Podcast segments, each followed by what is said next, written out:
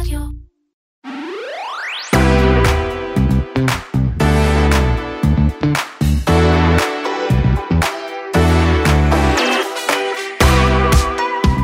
בשעה שאתם מאזינים לפרק הזה, ייתכן שעילת הסבירות כבר אושרה בקריאה ראשונה.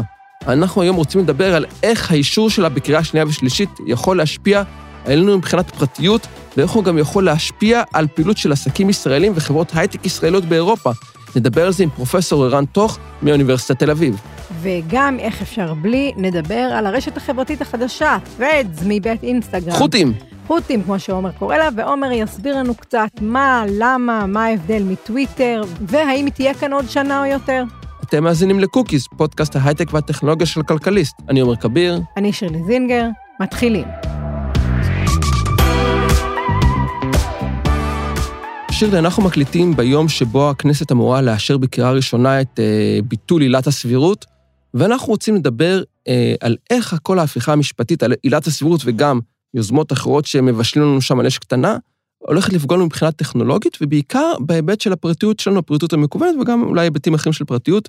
ועל זה אנחנו רוצים לדבר עם פרופסור ערן תוך מהפקולטה להנדסה באוניברסיטת תל אביב, וראש התוכנית לתואר ראשון בהנדסת תעשייה וניהול באוניברסיטה, וגם חבר המועצה להגנת הפרטיות. זה באמת טייטל מאתגר. כן, אני כמו איזה, אני כמו איזה מלך ימי ביניים כן. בשלב הזה. אפשר, גם להוסיף, אני לפעמים מוסיף גם, בוא נעשה את זה, זה מסובך, וגם בנו של ההיסטוריון, פרופסור מיכאל תוך, זה בכלל. אבא שלי מת על זה, אבא שלי מת על זה, אז אה, אתה מוזמן לעשות את זה. אז הנה, עשינו. זה עושה לו את היום. אז הנה, עשינו. אז ערן, איך כל זה קשור לפרטיות? מה בין עילת הסבירות לפרטיות? זה קשור בכל מיני צורות. בעצם אה, פרטיות היא זכות יסוד בחוק הישראלי. אבל כמו כל אה, זכות יסוד אחרת, היא צריכה אה, מנגנונים שישמרו עליה, והיא צריכה את הדמוקרטיה כדי ששום חוק או נוהל או החלטה שרירותית של שר לא תפגע בה. איך זה יורד לשטח? איך, זאת אומרת, מה, מה בפועל עלול לקרות? זה, זה יורד לשטח בכל מיני צורות. אז דבר ראשון בעצם, אה, אחד מהמנגנונים הכי חזקים בישראל לשמירה על פרטיות זה בתי המשפט. אה, החוק הישראלי לפרטיות הוא מאוד מאוד מוגבל, ובתי המשפט, בעיקר בית המשפט העליון, הם אלה שבעצם אה, גרמו להמון המון מזכויות הפרטיות שיש לנו היום להתקיים. אני אתן כמה דוגמאות. אז למשל, בית המשפט העליון הוא זה שבא לממשלה בתקופת הקורונה והשתמש גם בעילת הסבירות כדי לבדוק את ההחלטה על מעקבי השב"כ. אה, אם אתם זוכרים, אז אה, נתניהו ביקש מהשב"כ להשתמש בכלי הזה שעוקב אחרי כל הטלפונים, כדי לדעת אם אנשים היו קרובים אחד לשני, ואז אולי לבודד מישהו שהיה ליד מישהו שחלה בקורונה. ובעצם האגודה לזכויות האזרח ואגודת פרטיות ישראל, שאני אה, חלק ממנה, פנינו אז אה, לבג"ץ, וביקשנו שיסתכל על ההחלטה. ועילת הסבירות הייתה מאוד מאוד משמעותית בזה שהם בדקו בעצם את התועלת שבכלי הזה מול הנזקים האפשריים ושקלו את זה גם אה, אה, מול סבירות ההחלטה. והם הגבילו את זה מאוד, הם הלכו לממשלה ואמרו שאתם יכולים לעשות את זה רק בתנאים מסוימים ואתם חייבים, חייבים לספק חלופות וזה אחת הסיבות שהממשלה אה, אה, ירדה מזה באופן הדרגתי. אה, ניתן עוד דוגמה, אה, למשל, אה, לנו יש זכות היום בארץ, שלא, שהמעסיק שלנו לא יסתכל לנו באימיילים הפרטיים שלנו, אפילו אם הם נשלחו מהאימייל של העבודה. וזאת זכות שקיימת בישראל, אבל היא לא קיימת למשל בארצות הברית, שם עושים את זה כל הזמן בלי הפסקה. הזכות הזאת היא זכות שבעצם פורשה על ידי בית הדין לעבודה, ומתקיימת בגללו. אז הנושא הזה של הכוח של הרשות השופטת והיכולת שלה לקבל החלטות מול החלטות של הממשלה והחלטות של כל מיני רשויות וגם החלטות של גופים פרטיים היא אבן יסוד באופן שבו הפרטיות שלנו מתקיימת בישראל. עכשיו, אני מבינה שיש גם סוגיה עסקית, בגלל שיש אה, בעצם כל מיני אה, תקנות בינלאומיות הנוגעות לפרטיות שעלולות להתערער בעקבות אה, ביטול עילת הסבירות? כן, זה משהו שפרופסור אמנון שעשוע, המייסד וה- וה- והמנכ"ל, אם אני לא טועה, של מובילאיי, אה, דיבר עליו. בעצם אה, משהו שרוב אה, רוב הישראלים לא, לא, לא מכירים אותו, אפילו בקהילת ההייטק, שזה דבר מאוד חשוב בשבילה, לא כל כך מכירים, זה העובדה שיש לנו היום מעמד של תאימות מידע מול אירופה. זה נקרא uh, information adequacy. והמעמד הזה בעצם אומר שחברה ישראלית יכולה לקבל מידע מחברה אירופאית, כאילו שחברה ישראלית נמצאת באירופה. וזה מעמד שהתקבל ב-2011 במשא ומתן אה, מול האיחוד האירופי, השתתפו בו למשל פרופסור מיכאל בירנק ו- ו- ו- ואחרים, והמעמד הזה הוא בעצם מאוד מאוד מקל עלינו לעשות עסקים עם אירופה. חברות ישראליות, לא יודע, כמו צ'ק פוינט, יכולים לקבל מידע מחברות אירופאיות, אה, אם אה, מישהו מזמין, אה, אם אירופאי מזמין איזה מקום בצימר בגליל, אז אין שום בעיה להשתמש באתר הישראלי, וזה מאוד מאוד עוזר. ולנו יש את המעמד הזה, חוץ מאיתנו באסיה יש רק לשלוש מדינות יש את המעמד, זה דרום קוריאה ויפן ואנחנו, לשאר המדינות אין מעמד כזה, ואם אין מעמד כזה, העברת מידע היא מאוד מאוד מאוד מורכבת.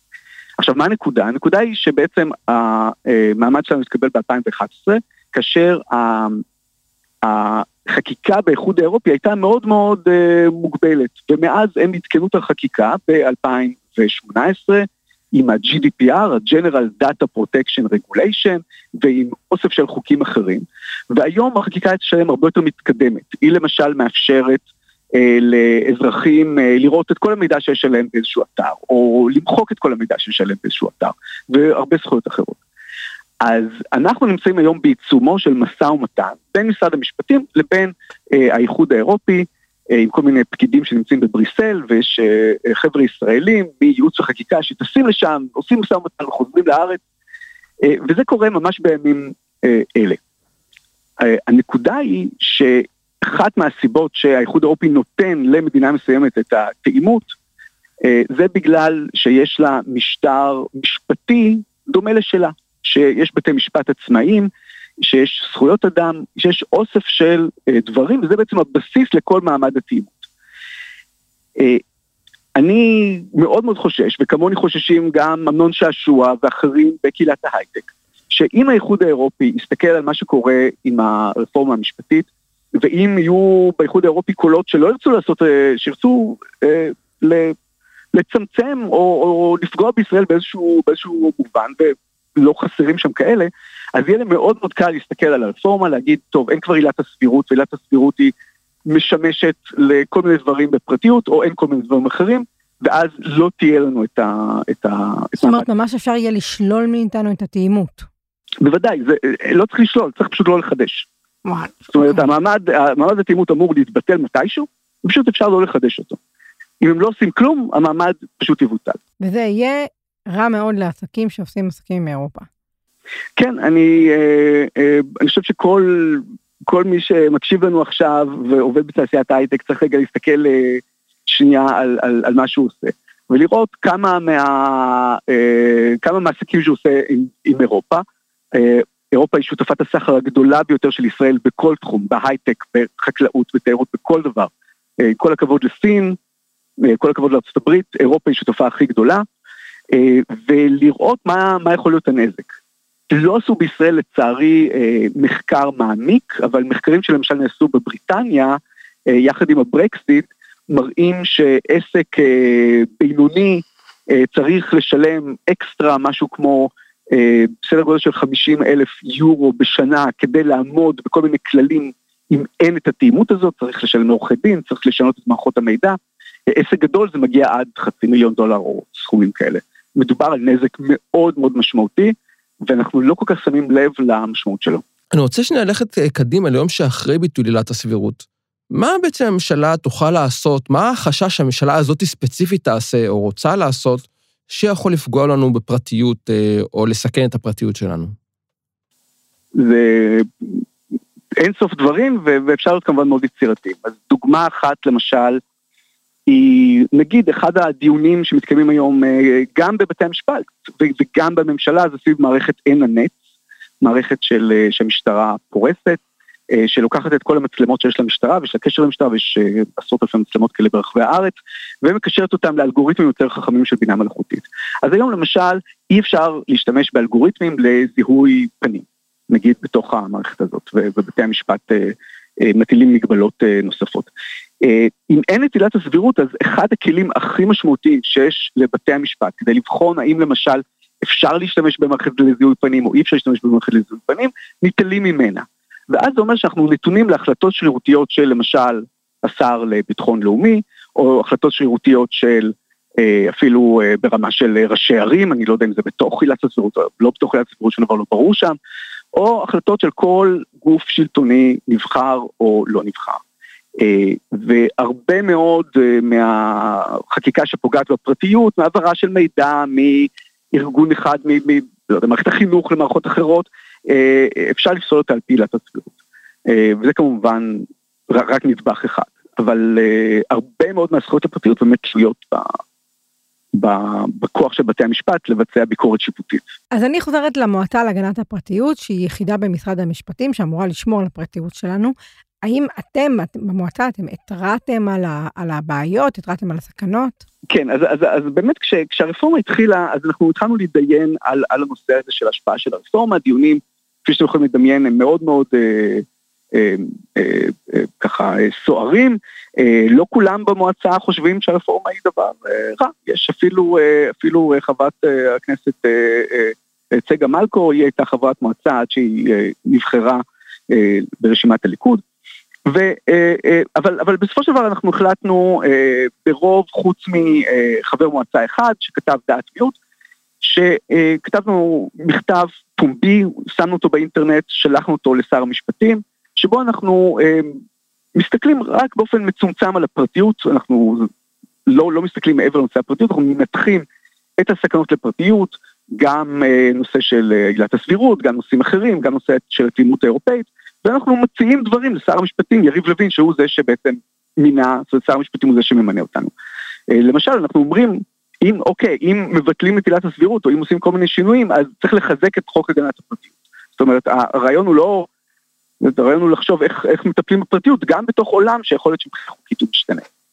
אז שלחנו את המכתב הזה, כתבנו אותו בפברואר, רבנו, אה, החלטנו, אה, ניסחנו אה, ו, אה, ופשוט אה, שלחנו את המכתב, לשכת השר אמרה שהמכתב אה, התקבל וזהו, אין קול ואין עונה, לא קיבלנו שום תגובה, ביקשנו לקיים דיון בנושא, פשוט לא, לא קיבלנו שום תגובה מלשכת השר, אה, פשוט הוא התעלם מזה, אה, אני לא יודע אם הוא קרא את זה, אני לא יודע אם הוא חושב על זה, אני לא יודע שום דבר בשלב הזה. זה פשוט מדהים. באמת, זה פשוט מדהים. את יודעת, לפני שנה הייתי אומר שזה מדהים, עכשיו זה כבר כאילו צפוי. אני חושב שכמובן שזה זה בקטנה מול הדברים אחרים, אבל כשאתה ממש חי את זה, חי, אנחנו עובדים מול אנשי משרד המשפטים כל הזמן. אנחנו נפגשנו עם המנכ"לים, נפגשנו עם שרים בעבר, אנחנו נפגשים עם אנשי אה, ייעוץ וחקיקה, אנחנו נפגשים עם אנשי רשות הגנת הפרטיות כל הזמן, אנחנו מקיימים קשרי, אנחנו נפגשים עם כל משרדי הממשלה, זה עבודה מרתקת, אתה רואה, אתה ממש רואה דרך אגב כמה ש... אנשים שעובדים בממשלה, עובדים ברשויות, הם ימנים, הם שמאלנים, הם נשים, הם גברים, הם ערבים, הם יהודים, כולם עובדים ביחד, באמת כולם עובדים בשביל ישראל, אני, זה, זה משהו שאתה ממש רואה אותו כשאתה נפגש עם אנשים, זאת אומרת, ו, ופתאום פתאום מגיע שר והוא פשוט, הוא עושה דבר שאני אף פעם לא ראיתי, הוא פשוט מתעלם ממועצה ציבורית. שזה דבר שלא עושים, אתה יכול להתווכח איתנו, אתה יכול לקרוא לנו, למ...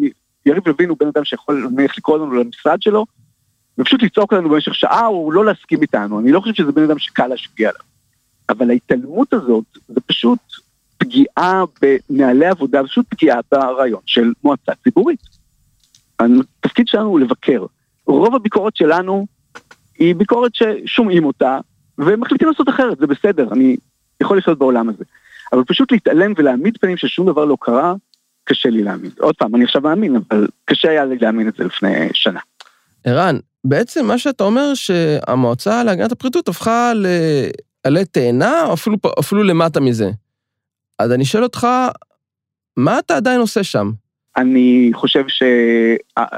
המועצה להגנת הפרטיות היא יחסית היא גוף אה, ציבורי, גוף מפקח, אני לא מקבל משכורת, אני לא תלוי בזה, אמ, אני חושב שאני אה, אה, עושה את זה באמת כי, כי, אני, כי אני רוצה לתרום מהמעט ידע שיש לי, שהוא בעיקר ידע טכנולוגי ושקשור למערכות מידע, לממשלה.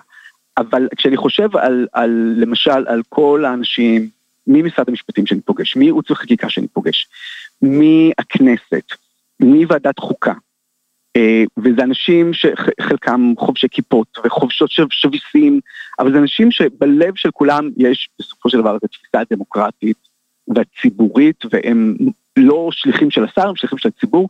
אני חושב על המצב שבו הם נמצאים, ואני פשוט, אה, אה, הלב שלי נחמץ, אני לא יודע איך הם ישנים בלילה, אני יודע שהם לא ישנים טוב, והם עומדים היום בפני בחירות מאוד מאוד קשות, האם להישאר בתוך גוף עם יכולת לפקח, אה, או לא להישאר, ואז אלוהים יודע, אז יכולים להחליף אותך בפונקציונר, שהמטרה שלו זה רק לצפות מה הבוס שלו אה, יגיד, ויש הרבה אנשים כאלה, והם מחכים למשרות. אז uh, זאת דילמה מאוד מאוד קשה, לי באופן אישי, אני חושב שהיא קשה היום ל, לעשרות, uh, לאלפים של uh, עובדי ציבור. Uh, אני לא יודע מה לעשות בזמן, ב, ב, ב, בתקופה הזאת, זו תקופה שגורמת לכל אחד לקבל החלטות uh, מאוד מאוד קשות, להישאר או ללכת. טוב, תודה רבה, פרופסור ערן תוך, אה, נקווה לדבר איתך בזמנים יותר אופטימיים. תודה, ערן. תודה לכם.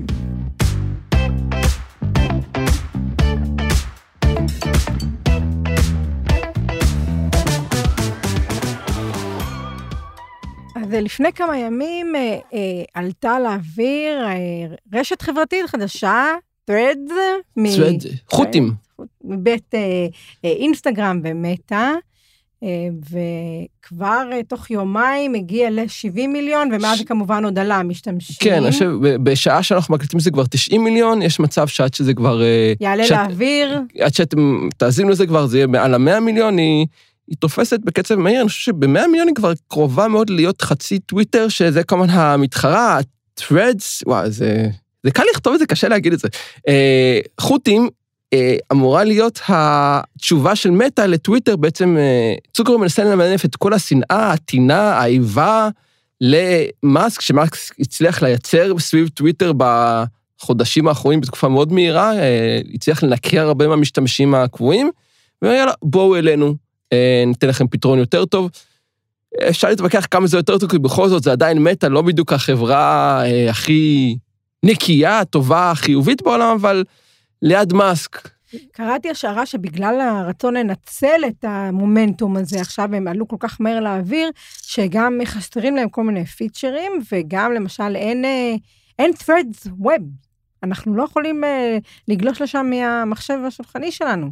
אה, זה נכון. במהלך שעות העבודה שלנו. כן, זה אפילו לא השערה, זה אה, תיאור נכון ומדויק של המצב, אבל צריך לזכור שכל מוצר חדש שמתחיל, לא מתחיל עם כל התכונות המלאות שמתווספות לו אחר כך, המטרה היא ליצור מה שקרוי minimum viable product, מוצר שהוא עובד, שמתפקד, שנותן את הדבר הבסיסי, ואחר כך אפשר להתחיל לבנות עליו, אם היו באמת מנסים לבנות את הכל בבת אחת, עם כל התכונות והיכולות המורכבות, אה, כנראה שאף פעם לא מצליחים להגיע למוצר מוגמר, צריך גם אה, לעשות דברים בהדרגה. אה, לגבי זה שאין גרסת ווב נכון, אבל גם אינסטגרם במשך שנים לא הייתה לה גרסת ווב. אנחנו חיים בעולם שגם ככה רוב השימושים, אה, של הסושיאל מדיה, זה במובייל בכל מקרה, אז זה טוב להתחיל מהמובייל, ואחר כך לעבור ל web. אגב, יש, יש, יש קישורים ב web, תוכל להיות כאילו, אפשר לעשות, לשלוח קישורים לציוצים, פוסטים, לא משנה, ב Threads, ואת יכולה לראות אותם ב web, את לא יכולה לצאת לקישור, אבל את לא יכולה כאילו לעשות אינטראקציה שם, רק להסתכל עליהם. מעניין. בואו באמת אה, נדבר קצת. מה, מה ההבדלים שאנחנו יכולים כבר עכשיו לראות בין אה, טוויטר ל Threads? א', הבדל אחד גדול, אין שם את מאסק. וזה נשמע כאילו, אנחנו קצת יורדים על מאסק, אבל אה, כשלפני שטרדס עלה, אה, לפני שטרדס עלתה, אז בכירים בפייסבוק באמת אמרו שהם רוצים ליצור פלטפורמה שהיא סיינלי רן, כאילו מנוהלת בשפיות. ומאסק, הניהול... ששפיות ממנו והוא לא בטוח. כן, אני, תשמעו, מאסק, אה, אה, קישור, אה, יש לו הצלחות לא מעטות בעברו, אבל בטוויטר הוא לא עושה בדיוק מהלכים שאפשר להגיד שמזניקים אותה קדימה, והיו הרבה מהלכים שנויים במחלוקת, וממש האחרון, נכון, ימים לפני שטוויטר עלתה לאוויר, זה שהוא הגביל את מספר הציוצים שכל משתמש יכול לראות ביום לכמה מאות או כמה אלפים, תלוי אם אתה מנוי משלם או לא. אה, זה לא משהו שממש פונה למשתמשים, לא משהו שמפרסמים רוצים במיוחד, מפרסמים רוצים כמה שיותר חשיפה, הם לא רוצים ש... לדעת שהם משתמשים נעצרים כן, באמצע נעצרים. היום כי הגיעו לציוץ כן, האלף. וגם זה כן, אלף, אלף ציוצים זה גם, זה לא כזה הרבה, אתה משתמש הרבה ואתה יודע, זה גולל ככה בכיף, הרבה אנשים מגיעים לזה. וזה, הקטע המצחיק שזה זה קרה ביום שבת, והם הוציאו את המגבלה לפני שהודיעו עליה, ואז הרבה אנשים התחילו לדווח על תקלה בטוויטר שלא לא מציג להם ציוצים. זה לא הייתה תקלה, זה משהו, לא באג, זה פיצ'ר. בדיוק, בדיוק. אה. אז, אה, אז זה היה, אז זה כאילו ההבדל העיקרי, כאילו, ביניהם, מבחינת אה, מי שמנהל אותם, אותן, אותם, לא משנה. מבחינת טכנית, מבחינת מבחינת נראות. טכנית, מבחינת נראות, די דומה הממשק משתמש, אה, ובצדק, למה נמצא את הגלגל מחדש, סך הכל הממשק של טוויטר עובד, אבל אם נשים את האצבע על הבדל משמעותי, אה, טוויטר בנתה את עצמה אה, סביב פיד כרונולוגי. יש לו אמנם פיד אלגוריתמי, אבל לא פופולרי, משתמשים די שונאים אותו, כשמאסק ניסתה, ניסתה לכפות את הפיד האלגוריתמי כברירת מחדל לפני כמה שבועות או חודשים, היה backlash וזה, הוא נסוג מזה די מהר, זאת אומרת, המשתמשים כן אוהבים את הפיד הכרונולוגי, אבל ב-Threads הפיד בנוי אלגוריתמי ובנוי אלגוריתמי בקצת חיקוי של אה, טיק טוק. הפיד בטיק טוק, אם אני אומר שאת מכירה, כשאת פותחת טיק טוק פעם ראשונה, גם אם אין לך אפילו חבר אחד, אפילו לא עשית הרשמה, כבר מתחילים להציג לך סרטונים. ואת גולשת, את מגוללת בסרטונים, והוא לומד תוך כדי את העדפות שלך עם הצופה, עד איפה צפית, עד איפה ראית, אם דילגת או לא דילגת, ומתחיל להציע לך סרטונים בהתאמה אישית, אפילו בלי שעשית לייק אחד או עקבת אחרי מישהו אחד. רשתות חברתיות כמו טוויטר, אה, גם כמו אינסטגרם, כמו, כמו פייסבוק, אם את נכנסת, נרשמת, אין לך חברים, לא מציג לך כלום. אני נרשמתי לאינסטגרם עכשיו, פעם ראשונה, סוף נרשמתי לאינסטגרם, כדי שאני אוכל להשתמש בטרץ, כי צריך חשבון של אינסטגרם להשתמש בטרץ. אינסטגרם, אני נכנס, לא מציג לי כלום, כי לא עשיתי שם פעולה, לא, לא עקבתי אחרי אף אחד, מציג לי רק רשימה של המלצות למעקב אחרי אנשים, ואין לי תכנים. טרץ, לעומת זאת, איך שאתה נכנס, כבר מתחיל להציג לך ציוצים, אה, לא ציוצים, פוסטים, אה, חוטים, לא משנה, ומתחיל בעצם ללמוד אותך, וזאת אומרת שגם אין לך חברים, גם אם הרשת החברתית שלך מטוויטר עוד לא עברה ל-threads, עוד אין לך מיקרופון, כבר יש לך תכנים לצרוך, יש לך כבר סיבה להיכנס, אתה לא צריך להתחיל לבנות הכל מאפס. בוא, בוא נדבר רגע, למה באמת הם, עשו את הקשירה הזאת בין אה, אינסטגרם לפדס? למה אני חייבת אה, להיות באינסטגרם בשביל אה, להתחבר לרשת הזאת? לאינסטגרם יש בסיס משתמשים של יותר משני מיליארד משתמשים פעילים בחודש. ברגע שאתם אומרים למשתמשים, הנה פלטפורמה חברתית חדשה. אבל אתם לא צריכים לעשות כלום כדי, כדי להשתמש בה, חוץ מלהוריד אותה, לא להירשם, לא להזין פרטים. אתם יכולים להביא את כל החברים שלכם מאינסטגרם, בעצם הם כבר שם, לא צריך אפילו להביא אותם, הם שם פשוט. אז אה, זה מאוד קל, מוריד חסם כניסה, מוריד, מוריד חיכוך.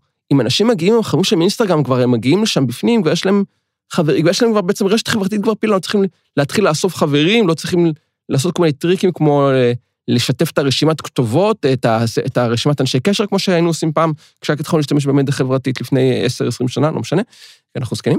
אה, אז זה מאוד מקל את המעבר, והנה זה עובד.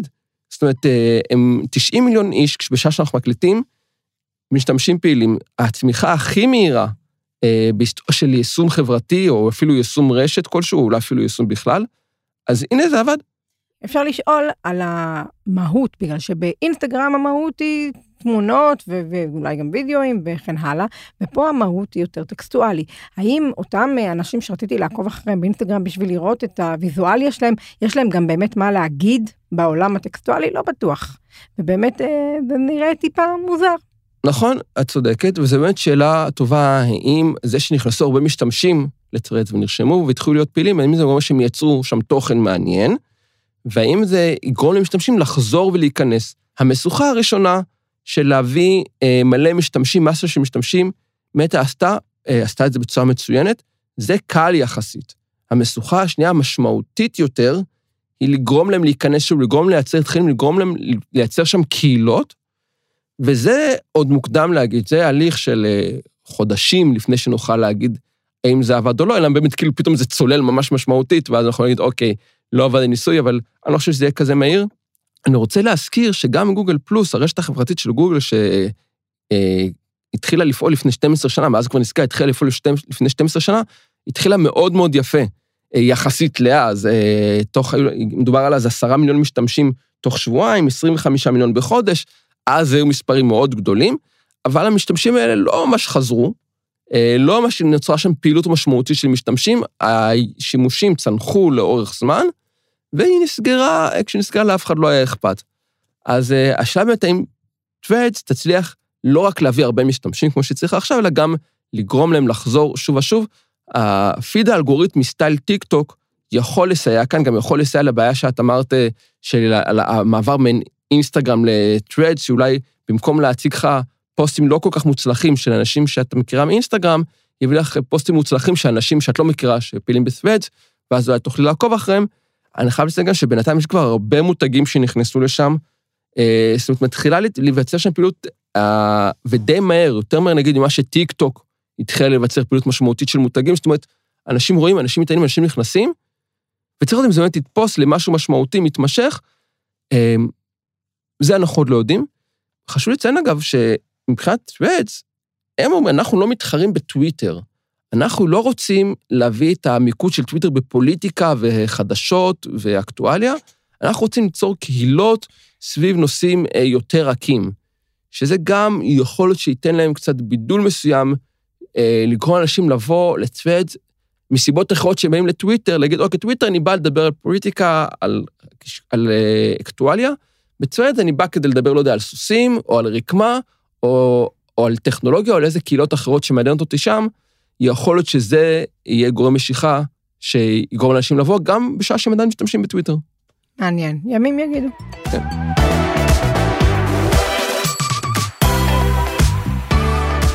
ומה cookies אנחנו לקוקיות, ההמלצות, הדברים הקטנים שעשו לנו את השבוע. שירלי, את ראשונה הפעם. אז ההמלצה שלי הפעם אה, מאוד מפתיעה בעיקר אותי. אה, אני הולכת להמליץ לכם לבקר ביקב ענתות. Okay. אוקיי. אה, באופן כללי, אני אה, מש... נרתעת אה, מלהגיע לשטחים, אבל איכשהו מצאתי את עצמי בשבוע שעבר ביקב ענתות, בהתנחלות ענתות. מי שנוסע לטייל בין פרט, בדרך לשם יחלוף על פני הכניסה ליקב, וזה יקב מאוד מאוד מיוחד. הוא, הוא לא איזה מרכז מבקרים גדול, הוא מאוד משפחתי וקטן, אה, מנהלים אותו ומובילים אותו בעלי היקב וזוג אה, מאוד נחמד. אגב, זה יקב לא כשר, למרות שהוא נמצא בהתנחלות, הוא פתוח גם בשבתות. יש שם אה, בחוץ גם כל מיני חיות בכלוב גדול של כל מיני ציפורים ועופות וטווס, אה, ו... ו הזוג עצמו גם, זאת אומרת, קודם כל היין נהדר, אבל הזוג עצמו הוא גם פשוט אנשי אה, שיחה, אה, נחמדים, פתוחים, אה, אה, ישבנו איתם, סיפרו לנו את, ה, אה, את ההיסטוריה שלהם ב, ביישוב ובהתנחלות, והיסטוריה של היקב, ו, ו, ודיברנו גם קצת על הבדלים ו, ו, ועל, ועל האופי של המקום ועל האופי של היקב, ועל באמת הזדמנות לדבר עם אנשים שבגדול הם מאוד מאוד שונים ממני, הקיבוציקית במקור, התל אביבית בהווה, השמאלנית, התקשורת, אה, שבאה מתל אביב להתנחלות אה, ליד ירושלים. ובאמת שיצאתי משם, אה, סליחה על הקלישה, עם אמונה באדם, למרות הכל. וגם היה לי טעים. אז okay. אני אוקיי. ממליצה מאוד. אוקיי, okay. המלצה אכן יוצאת דופן. ועומר, מה ההמלצה שלך להשבוע? אני רוצה להמליץ על אה, ספר אה, שקראתי לאחרונה, השם של הספר באנגלית הוא Trust, אה, בעברית נאמנות. אני קוראת אותו כעת. את קוראת, אה, מצוין, נו, אז מה את חושבת? אני עוד די בהתחלה, ואני חושבת שהוא מעניין אך מוזר. את ב... איזה, את בראשון? בשני. בשני, אוקיי. בשלישי מתחילים להבין מה קורה. אוקיי. אז, אז אני עכשיו אסביר. זה בעצם נאמנות, ספר שמורכב מבעצם ארבעה רומנים שונים, כל אחד כתוב בסגנון אחר, אבל כולם בעצם מספרים את אותו סיפור מנקודות ראייה שונות ומנקודות זמן שונות. ואומרים שהספר הזה זה על uh, האירועים שהובילו למשבר הכלכלי הגדול של 1929 אה, בארצות הברית ובשאר העולם, לשפל הכלכלי הגדול. זה לדעתי לא נכון. זה ספר על זיכרון, על כוח, על עיצוב נרטיבים ועל מי באמת שולט באיך שזוכרים אנשים, באיך שזוכרים אותך, באיך שזוכרים אה, את מי שאתה רוצה שיזכרו. זה ספר עם הרבה מוטיבים אה, פמיניסטיים של העצמה נשית שמתגלים ממש ממש רק לקראת הסוף. ובאמת רומן מאוד מיוחד, לוקח חצי רומן עד שמבינים מה, מה קורה שם, לאן זה הולך, אבל זה מאוד מתגמל. אה, גילויים, במובן מסוים זה סוג של אה, תעלומה בלשית, תעלומת מתח מי האישיות שבמרכז הרומן, אני לא רוצה להגיד שמות בכוונה כדי לא לקלקל, אבל מי האנשים האלה? מי הם, מה הכוח שלהם, מה הם עשו, איך הם השפיעו עליו, איך הם עיצבו אותו, ומי קבע איך זוכרים אותם. וכדאי לנסות, זהו, נאמנות. אה, של הרנן דיאז. הרנן דיאז, נכון? זוכה פרס פוליצר. וכדאי גם לבדוק את ה... אגב, השנה היו שני זוכים בפרס פוליצר אה, לרומן הטוב ביותר, בפעם ראשונה שזה קרה, אז אה, אני מציע, אני מציע לעשות את השני שזה החלומות, שלדעתי עוד לא תורגם לעברית, קוראים לו, אה, קוראים לו, קוראים לו דימון קופרהד, הוא כתוב, אה, הוא מתבסס על ה... הוא שואל את המבנה שלו מדייוויד קופרפילד של צ'ארלס דיקנס, אבל הוא מתרחש בסוף שנות ה-90, תחילת אה, המאה ה-21, באזור האפלצ'יה, אה, מדינת וירג'ינה, דרום מדינת וירג'ינה בארצות הברית. אה, רומן התבגרות מאוד מאוד מעניין, אני ממש לקראת הסוף עוד לא סיימתי, אבל גם הוא רומן מאוד טוב, עם קול מאוד מיוחד של, אה, של מי שמספר אותו. אלו היו הקוקיות וה cookies שלנו לשבוע, אני עומר כביר. אני שירלי זינגר. תודה לאופיר גל מסוף הסטנד סטודיוס, ואם אהבתם, ירשמו לנו באפל פודקאסט, גוגל פודקאסט, ספוטיפיי או איפה שאתם מאזינים לפודקאסטים שלכם. להתראות בשבוע הבא.